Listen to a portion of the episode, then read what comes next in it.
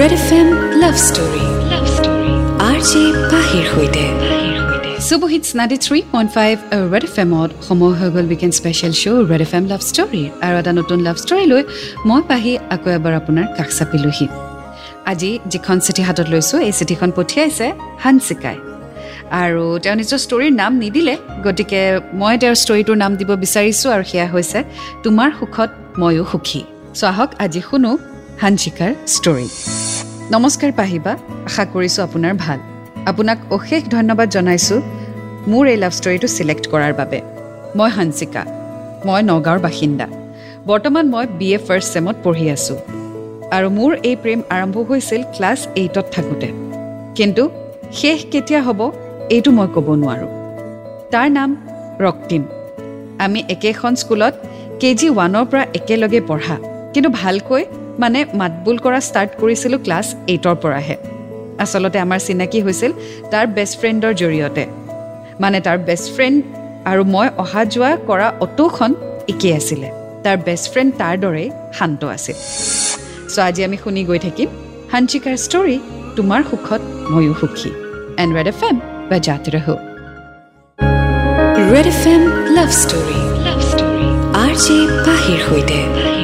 Welcome back show চলি আছে Red F M love story মই আছোঁ আপোনাৰ সৈতে পাহি শুনি আছোঁ আজি হাঞ্চিকাৰ ষ্টৰী তোমাৰ সুখত ময়ো সুখী আগলৈ তেওঁ লিখিছে সি কথা কৈ ভাল নাপায় আৰু মই তাৰ একেবাৰে বিপৰীত লাহে লাহে মাতবোল হ'ল পঢ়াৰ জৰিয়তে আৰু লাহে লাহে কপিও এক্সেঞ্জ হ'ল সেইটো সময়ত মোবাইলত ল'ৰাৰ নম্বৰ ছেভ কৰা মানা বুজিছেই ন পাহিবা সেই নম্বৰ এক্সেঞ্জ আমাৰ মাজত হোৱা নাছিল তাৰ পাৰ্চনেলিটিও তাৰ দৰেই চিম্পুল আছিল। এদিন তাৰ বেঞ্চমেট এজনে তাৰ হেয়াৰ ষ্টাইলটো লৈ অলপ জোকাইছিল আৰু চিঞৰি চিঞৰি মোক মাতি কৈছিল এই হাঞ্চিকা হাঞ্চিকা এই তোৰ শান্ত ফ্ৰেণ্ডৰ নতুন লুক চা চেং ষ্টাইল চুলি ভাল লাগিছে নাই সি কথাটো জমনিতে ক'লে কিন্তু মোৰ মনতহে কিবা কিবি লাগিছিল। সিও মোক চাওঁ নাচাওঁকে মিচিকি হাঁহি এটা মাৰি মোৰ পিনে চাই চকু তল কৰি দিলে। তাৰ হাঁহিটোত এটা লাজ ভাৱ আছিল। সেয়েহে আজিলৈকে মোৰ তাৰ সেই হাঁহিটো মনত আছে। চ' স্কুলীয়া পৰিৱেশ স্কুলত হৈ থকা কিছু ফূৰ্তি ফাৰ্তাৰ মাজত হাঞ্চিকাৰ অলপ অলপ ফিলিংছ আহিছে ৰক্তিমৰ প্ৰতি। চ' আগলৈ কি হয় জানিবলৈ অপেক্ষা কৰক এন ৰেড এফ এম ভজাতে ৰহো। Red F M love story love story. R J Pahir সৈতে। Welcome back to the show' Red F M love story মই আছোঁ আপোনাৰ সৈতে পাহি।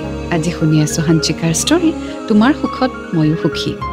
আগলৈ তেওঁ লিখিছে সেইদিনা লাঞ্চ টাইমৰ পিছত আমাৰ কম্পিউটাৰ ক্লাছ আছিল আৰু মই সেইদিনা দেৰিকৈ গৈছিলোঁ। তেতিয়া সিও ৰেডি হৈছিল কম্পিউটাৰ ক্লাছ যাবলৈ। মই তাৰ ওচৰত গৈ ক'লোঁ যে তোক কিন্তু চুলি উঠালে চালিয়া লাগে দেই। আৰু মোৰ কাণৰ কাষত আহি সি মোক ক'লে সেই সময়ত সি মোৰ ইমান ওচৰত আহিছিল যে তাৰ নিশ্বাস মই অনুভৱ কৰিবলৈ পাৰিছিলোঁ। আৰু তাতে আৰম্ভ হৈছিল মোৰ তাৰ প্ৰতি দুৰ্বলতা যাৰ নাম প্ৰেম।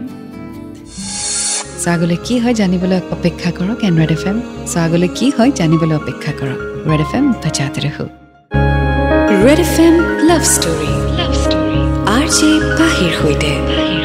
ৱেলকাম বেক শ্ব' চলি আছে Red F M love story মই আছোঁ আপোনাৰ সৈতে পাহি। শুনি আছোঁ হাঞ্চিকাৰ ষ্টৰী তোমাৰ সুখত ময়ো সুখী। আগলৈ তেওঁ লিখিছে লাহে লাহে দিনবোৰ পাৰ হ'ব ধৰিলে। মোৰ ভালপোৱা তাৰ প্ৰতি বাঢ়ি গ'ল। সি অঁকা ছবিবোৰ সি মোক দেখুৱায়। আৰু যেতিয়া মই তাৰ ছবিবোৰ ভাল বুলি কওঁ তাৰ মুখত এক বেলেগ ধৰণৰ ফূৰ্তি থাকে। মই কেতিয়াবা কওঁ ল'ৰা তুমি জুই। আৰু তাৰ সেই হাঁহিটোৰ বাবেই মই তাক এনেকৈ কওঁ সময়ো পাৰ হ'ল পাহিবা। ক্লাছ নাইন শেষ হ'বৰ হ'ল। তাৰ কেইদিনমান আগত কিবা এটা কাৰণত সি মোক বহুত জোৰকৈ ক'লে। তই ইমান চিঞৰ কেলে? ঠাণ্ডা হ কুল হ তই। সেইদিনা মোৰ এনেকুৱা লাগিল যেন সি মোক দেখিবই নোৱাৰে। মোৰ মুখৰ হাঁহি ক'ৰবাত হেৰাই গ'ল। নিজকে কিবা বেয়া লগা হ'ল। তেতিয়াৰ পৰা মই তাৰ পৰা আঁতৰি থকা হ'লোঁ। ৱেল একচুৱেলি যাৰ প্ৰতি ফিলিংছ থাকে বা যাক আমি ভাল পাওঁ বা যাক আমি লাইক কৰোঁ সেই ব্যক্তিজনে যদি টানকৈ কিবা এটা কৈ দিয়ে ন বৰ দুখ লাগে। খুব বেছি হাৰ্ট হোৱা যায়। সেয়া মা বা দেউতা হ'লেও হয় চাবচোন। যদি মা বা দেউতাই অকণমান টানকৈ কথা এটা কৈ দিয়ে ন একদম আমাৰ চেণ্টিমেণ্ট হাৰ্ট হৈ যায়। ঠিক তেনেকুৱাই হয় যেতিয়া আমি কাৰোবাক জীৱনত লাইক কৰোঁ।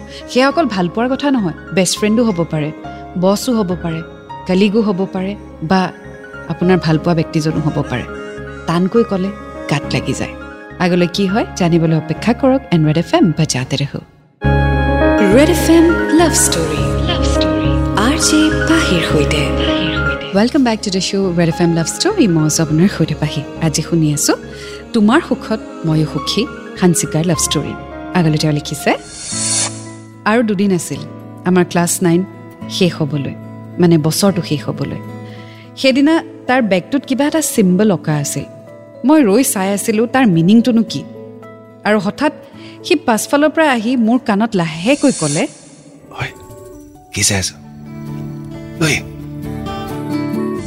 আকৌ সেই একেই শিহৰণ। মোৰ বুকুৰ ধপধপনি আৰু তাৰ সেই নিশাহৰ অনুভূতি। সুধো নুসুধোকৈ সুধিলোঁ এইটো কি চিম্বল ইয়াৰ মিনিংটোনো কি?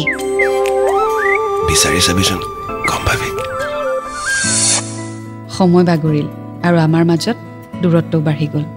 তাৰ জীৱনত এজনী ছোৱালীও আহিল যি তাৰ বেষ্ট ফ্ৰেণ্ড আছিল আৰু মই ছেকেণ্ডেৰী ৱেল হাঞ্চিকাৰ যদি ৰক্তিমৰ প্ৰতি ফিলিংছ আছিলে আই থিংক অলপ হ'লেও তাই হিম দিব লাগিছিল হয়নে? যদি আপুনি কাৰোবাক লাইক কৰে বা ভাল পায় বা মোৰ দেন এ ফ্ৰেণ্ড হ'ব বিচাৰে যদি আপুনি কথাষাৰ নকয় সন্মুখৰ মানুহজনী বুজি কেনেকৈ পাব? What is in your heart what is in your mind so' যি নহওক আল্টিমেটলি কনচিকুৱেঞ্চটো বা ৰিজাল্টটো যিয়ে নহওক এটলিষ্ট কথাটো উপস্থাপন কৰক।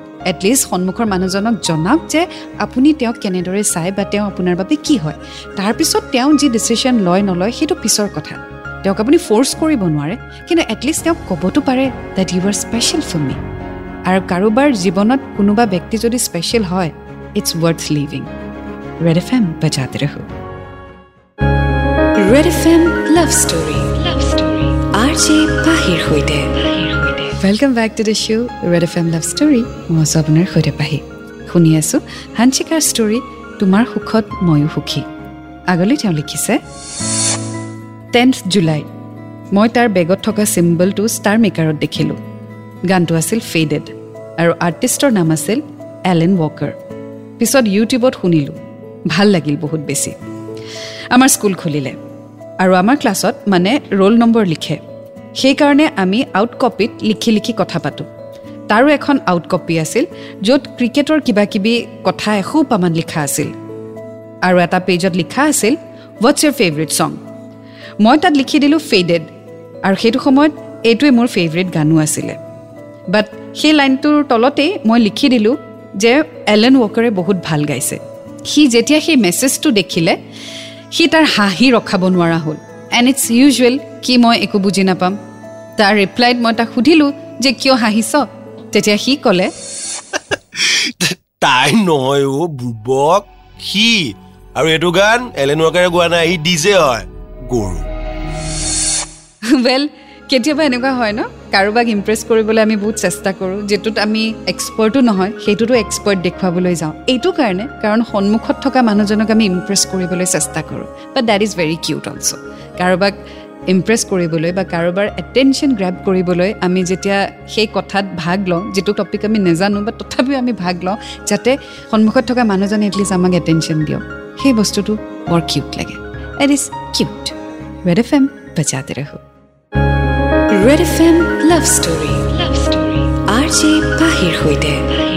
welcome back মই আছোঁ আপোনাৰ সৈতে পাহি শ্ব' চলি আছে লাভ ষ্টৰী শুনি আছোঁ হাঞ্চিকাৰ ষ্টৰী তোমাৰ সুখত ময়ো সুখী আগলৈ তেওঁ লিখিছে ক্লাছ টেনৰ শেষৰ সময় আৰু আমাৰ স্কুল মেগাজিনত প্ৰতিবাৰে লাষ্ট বেটছৰ গ্ৰুপ ফটো উঠোৱা হয় আমাৰো সেইদিনা গ্ৰুপ ফটোৰ টাইমিং আৰু আমাক এটা ল'ৰাৰ ৰ' আৰু তাৰপিছতে ছোৱালীৰ ৰ' বনাবলৈ কৈছিলে and by the grace of God মোৰ পোনে পোনে সি আছিল সঁচাই যেতিয়া মই সেই ফটোখন চাওঁ মোৰ কিবা এটা খুব ভাল লাগে আমাৰ জীৱনৰ আটাইতকৈ ভাল আৰু মনোমোহা দিনবোৰ গুচি গ'ল। কোনোবাই সঁচাকৈ কৈছিল school life is the best life of a student school শেষ আৰু লাহে লাহে আমাৰ মাজত কানেকশ্যনো কমি আহিল। এইচ এছ এল চিৰ পিছত এবাৰ গাৰ্জেন গ্ৰুপে মিলি খানা পাতিলে যিটো আমাৰ ঘৰত পতা হ'ল।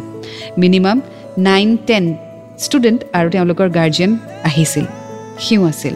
আমি সেইদিনা ভাল টাইম স্পেণ্ড কৰিলোঁ। আৰু কথাই কথাই ওলালে যে সি আমাৰ স্কুলৰ মানে আমাতকৈ জুনিয়ৰ এজনীক ভাল পায় আৰু তাইৰ সৈতে ৰিলেশ্যনশ্বিপত আছে। মই সেইষাৰ কথা শুনাৰ পিছত একেবাৰে ফূৰ্তি কৰিব পৰা নাছিলোঁ। বহুত মনটো বেয়া লাগিছিল। কিন্তু তাৰ মুখত এটা বেলেগ ধৰণৰ হাঁহি। যেতিয়াই তাইৰ কথা কয় তাৰ মুখত বেলেগ ধৰণৰ এটা ছেটিছফেকশ্যন এটা হাঁহি ওলাইছিল। আৰু সেইটোতে মই গম পাইছিলোঁ that he is very serious and very happy so' ultimately হাঞ্চিকাৰ relationship incomplete হৈ ৰ'ল। ইনকমপ্লিটো নহয় একচুৱেলি হাঞ্চিকাই নিজৰ মনৰ কথাখিনি এক্সপ্ৰেছেই নকৰিলে ৰক্তিমৰ আগত। And now Raktim is in a relationship with someone শেষত আৰু কিছু কথা লিখিছে সেয়া পঢ়ি আছোঁ। এণ্ড ৰেড এফ এম বাজাতে ৰহো। Red F M love story love story R J Pahir সৈতে। Welcome back to the show' Red F M love story মই আছোঁ আপোনাৰ সৈতে পাহি। আজি শুনি আছোঁ হাঞ্চিকাৰ ষ্টৰী তোমাৰ সুখত ময়ো সুখী। শেষত তেওঁ লিখিছে one year two year three years পাৰ হৈ গ'ল। আৰু আজিও সি তাইৰ সৈতে ৰিলেশ্যনশ্বিপত আছে। মোৰ তাইক দেখিলে তালৈ বহুত মনত পৰে। আৰু এনেকুৱা লাগে যেন সিহঁত দুয়োটা দুয়োটাৰ কাৰণে পাৰফেক্ট এদিন হ'লেও সিহঁত এক হ'ব আৰু বহুত সুখত থাকিব। পাহিবা মই তাক যিমান ভাল পাওঁ তাতকৈ কিজানি বহুত গুণে সি তাইক ভাল পায় আৰু পাই থাকিব।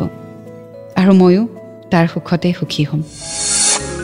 চ' এয়া আছিলে আজি লাভ ষ্টৰী তোমাৰ সুখত ময়ো সুখী। Hanchika I wish you all the best this is not the end এইটো নহয় যে তোমাৰ জীৱনলৈ প্ৰেম নাহিব।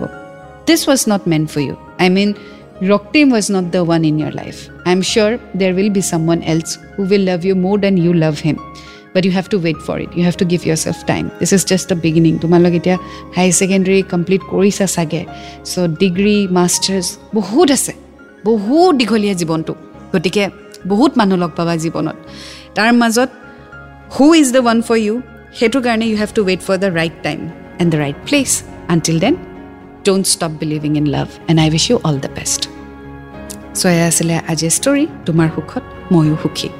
চ' কাকো যদি আপুনি সুখী কৰিব নোৱাৰে দুখো নিদিব। আকৌ লগ পাম এটি নতুন ষ্টৰীৰ সৈতে until then to fall in love it's a great feeling you will get to learn a lot and always remember I love you Red F M বজাতে ৰখোঁ